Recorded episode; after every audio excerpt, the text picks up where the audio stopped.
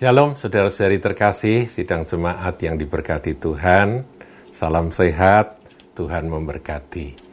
Saudaraku, kita akan melanjutkan seri yang seingat saya ada tiga kali saya sampaikan tentang riwayat Yusuf.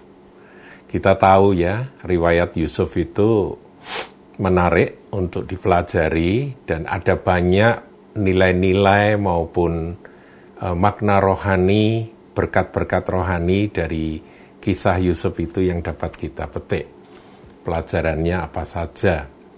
Nah, kali ini saudaraku kita akan lanjutkan. Kalau kemarin ya beberapa uh, suara gembala yang lalu kita sudah tiba pada bagaimana proses dari Yusuf itu dari seorang anak yang diperlakukan istimewa oleh bapaknya sehingga saudara-saudaranya pada iri hati dan memusuhi dia sampai kemudian dia dapat mimpi dan ya itu yang saya sebut dengan innocence but lack of knowledge oh, bukan lack of knowledge lack of uh, wisdom saudaraku. Jadi dia itu uh, lugu atau polos tapi kurang hikmat. Jadi sudah tahu saudara-saudaranya nggak suka sama dia, mimpinya juga diceritakan sama saudara-saudaranya. Makin bencilah mereka. Dua kali mimpinya, mimpi yang terakhir itu wah, bikin mereka betul-betul naik darah. Bahkan ayahnya sendiri juga nggak bisa terima, saudara. Tapi eh, Yakub menyimpan akan perkataan dari anaknya ini di dalam hati. Dan ternyata itu mimpi dari Tuhan, saudara. Bahwa nanti uh, bintang, kemudian matahari dan bulan itu akan menyembah dia. Dan sungguh-sungguh hal itu akan terjadi. Kalau uh, gandum itu apa berkas-berkas gandum yang datang kemudian menyembah pada berkasnya uh, Yusuf itu juga terjadi. Nah, saya kira dalam proses Yusuf ini masuk ke sumur, kemudian dikeluarkan, dijual di di pasar budak oleh pedagang Midian, kemudian dibeli oleh Potifar, dia di rumah Potifar, dia dididik oleh Tuhan, diproses oleh Tuhan, dia banyak belajar, dan Tuhan menyertai, dia berhasil dalam segala sesuatu, sampai akhirnya dia digoda oleh istri Potifar karena dia takut Tuhan, dia nggak mau, dia difitnah masuk ke dalam penjara. Di dalam penjara Tuhan tetap menyertai Yusuf.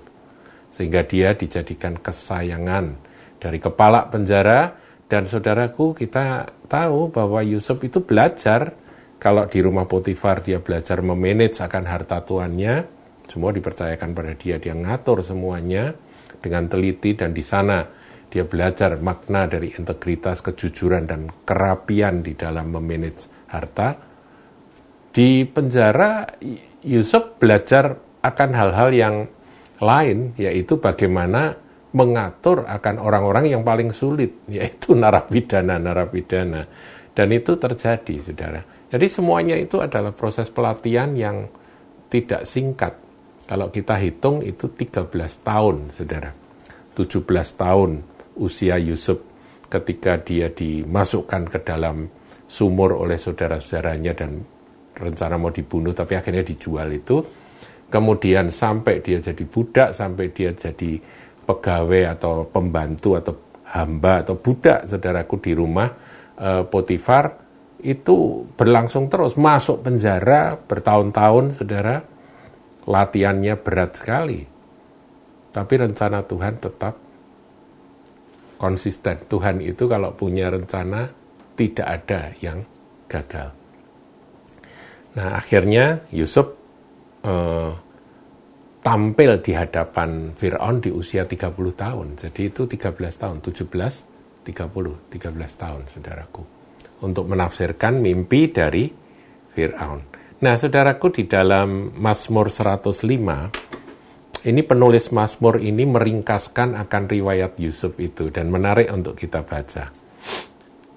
Coba kita lihat ayat yang ke 17 dari Mazmur 105. Diutusnyalah seorang mendahului mereka.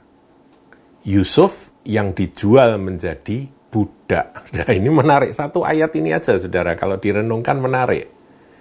Jadi Yusuf itu utusan Tuhan, utusan Allah. Diutusnyalah seorang mendahului mereka, mendahului akan bangsa Israel yang nantinya akan kelaparan itu saudara. Diutusnyalah seorang mendahului mereka, yaitu Yusuf yang dijual menjadi budak. Saudaraku diutus oleh Tuhan kok jadi budak. Nah, ini kan aneh, saudara. Diutus jadi apa? Jadi budak. budak belian lagi, saudaraku ya. Kemudian apa yang terjadi pada diri pemuda 17 tahun yang bernama Yusuf ini? Mereka mengimpit kakinya dengan belenggu Nah ini tidak digambarkan di dalam kitab kejadian, tetapi dalam sejarah uh, orang Israel, saudaraku, penulis Mazmur ini menambahkan, mereka mengimpit kakinya dengan belenggu. Jadi rupa-rupanya itu kebiasaan yang berlaku pada budak-budak belian. Kaki diimpit dengan belenggu. Belenggunya mesti belenggu baja, logam lehernya masuk ke dalam besi. Waduh, lehernya ini masuk, dicepit saudara. Tidak bisa bergerak dan sakit pasti. Seperti binatang, bahkan lebih ngeri dari binatang. Kadang-kadang binatang aja diperlakukan dengan kasih. Ini nggak ada, saudaraku, perlakuan kasih. Padahal dia seorang anak istimewa. Anak yang diistimewakan oleh bapaknya jubahnya aja maha indah, saudara. Sampai ngalami seperti itu. Ayat 19. Sampai saat firmannya sudah genap. Nah ini penting. Sampai saat firmannya sudah genap. Jadi Tuhan itu punya waktu. Dan nanti ketika waktunya itu tiba, apa yang dia firmankan pasti terjadi. Firmannya sudah genap dan janji Tuhan membenarkannya. Sebelum itu kan Yusuf disalahkan terus saudara. Oleh saudara-saudaranya dipersalahkan karena dianggap tukang mimpi yang suka ngadu kepada ayahnya tentang kejahatan saudara-saudaranya. Jadi dia itu orang yang selalu jatuh salah, saudara. Yusuf.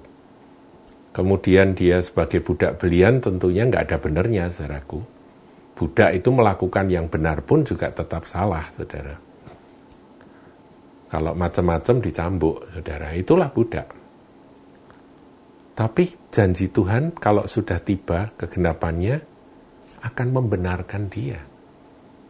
Dan yang luar biasa dalam waktu yang singkat, ini sudah saya bahas di SG yang lalu, yaitu dari penjara dia langsung menghadap kepada Firaun. Dia menafsirkan akan mimpi Firaun dengan begitu jelas. Tujuh tahun masa kelimpahan yang akan disusul dengan tujuh tahun masa kelaparan seluruh dunia. Itu waktu disampaikan, Fir'aun itu seperti tertegun. Dan kemudian Fir'aun berkata bahwa kita perlu bersiap sedia di masa tujuh tahun kelimpahan untuk kita ini punya stok, punya uh, persediaan untuk tujuh tahun masa kekeringan nanti, masa kelaparan. Nah, siapa yang kira-kira bisa mimpin? Ini pemuda usia 30 tahun, saudaraku. Narapidana lagi, orang asing, yaitu orang Ibrani. Langsung diangkat, saudara. Itu kalau ketetapan Tuhan sudah genap kalau firmannya sudah digenapi. Ya, di situ dikatakan sampai saat firmannya sudah genap. Inilah saudaraku yang jadi pelajaran yang harus kita petik. Yusuf yang mengalami akan penderitaan begitu berat, yang diutus sebagai budak, aduh berat ya saudara. Saudara diutus Tuhan kadang-kadang kalau seperti Yusuf ini menjadi budak gitu ya. Tapi untuk menggenapkan akan satu rencana yang besar. Nah, rencana besarnya itu apa? Apakah ketika Yusuf itu sukses mengelola akan apa rumah dari Potifar? Potifar itu pejabat tinggi, saudaraku. Dikatakan oleh firman Tuhan dia disertai oleh Tuhan. Tuhan menyertai sehingga apa saja yang dia kerjakan itu berhasil. Potifar pun senang sekali sampai dipercayakan seluruh harta untuk dikelola oleh Yusuf. Nah, kesuksesan Yusuf di rumah Potifar itu apakah akhir dari perjalanan seorang Yusuf? Tidak, saudaraku. Tidak. Itu baru e, masa pendidikan, masa proses. Karena di awal Yusuf sudah mendapatkan akan mimpi. Dan mimpinya dia masih meraba-raba apa sih maksud dari mimpi itu. Tapi itulah bagaimana Tuhan itu bekerja luar biasa. Nah, ketika dia tiba-tiba dipindahkan dari rumah Potifar di mana dia sudah sukses, sudah enak, sudah apa itu, sudah jadi kesayangan Potifar, dia karena godaan dari tante Potifar itu dia akhirnya masuk ke dalam penjara karena fitnahan. Ya, ini berat sekali, saudara. Kalau orang nggak kenal Tuhan dan nggak percaya akan rencana Tuhan itu semuanya adalah untuk kebaikan di masa depan, itu dia pasti hancur hati. Dia bisa marah sama Tuhan, saudara. Tapi Yusuf tidak. Di dalam penjara pun dia tetap disertai oleh Tuhan dan dia menjadi kesayangan dari kepala penjara. Sampai lewat masa penjaranya. Dan dulu pernah saya sampaikan, karunia justru bekerja di tempat yang paling gelap itu ya. Karunia dia menafsirkan mimpi dari juru minuman dan juru roti. Dan kemudian dari situlah, dua tahun kemudian sabar menanti, saudaraku, Yusuf akhirnya menghadap Fir'aun. Dan seketika dia langsung diangkat itu cincin meterainya Fir'aun dipasang ke dia. Dikasih kalung emas, diangkat menjadi penguasa seluruh Mesir sampai Firaun berkata, kamu itu semua kekuasaanku sudah aku berikan padamu. Bedanya cuma tahtaku ini saja. Gitu. Sampai ada kata-kata seperti itu. Bayangkan, saudaraku. Itu terjadi dalam sekejap, loh, saudara. Dalam sesaat. Ketika dia selesai menafsirkan mimpi itu. Tapi prosesnya kan nggak enak, sudah dan panjang.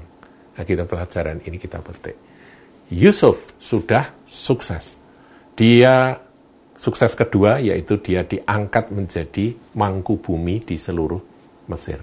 Dan dia bekerja, dia bekerja, dia mengumpulkan akan ini apa gandum, panen gandum ya, dia buat lumbung-lumbung, dia buat akan tempat penyimpanan akan makanan karena dia tahu fokus bahwa nanti setelah tujuh tahun masa kelimpahan akan ada tujuh tahun masa uh, kekeringan. Dan dia betul-betul dia stok itu semua uh, hasil panen itu dan dia bisa memanage dengan luar biasa.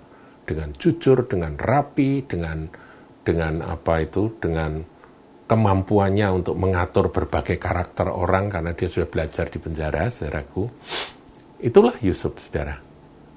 Dan dia sukses karena dia disertai Tuhan. Tapi apakah Yusuf pada waktu itu uh, merasa bahwa inilah tujuan hidupku. Aku bisa jadi orang berkuasa, aku bisa enak karena disertai Tuhan. Apakah ini akhir? Belum, saudaraku. Belum, belum akhir. Akhirnya nanti, akhirnya nanti. Ya, kita akan lihat bagaimana yang dimaksudkan dengan akhir cerita dari Yusuf ini, kita akan uh, bahas itu di dalam suara gembala berikut. Tuhan Yesus memberkati.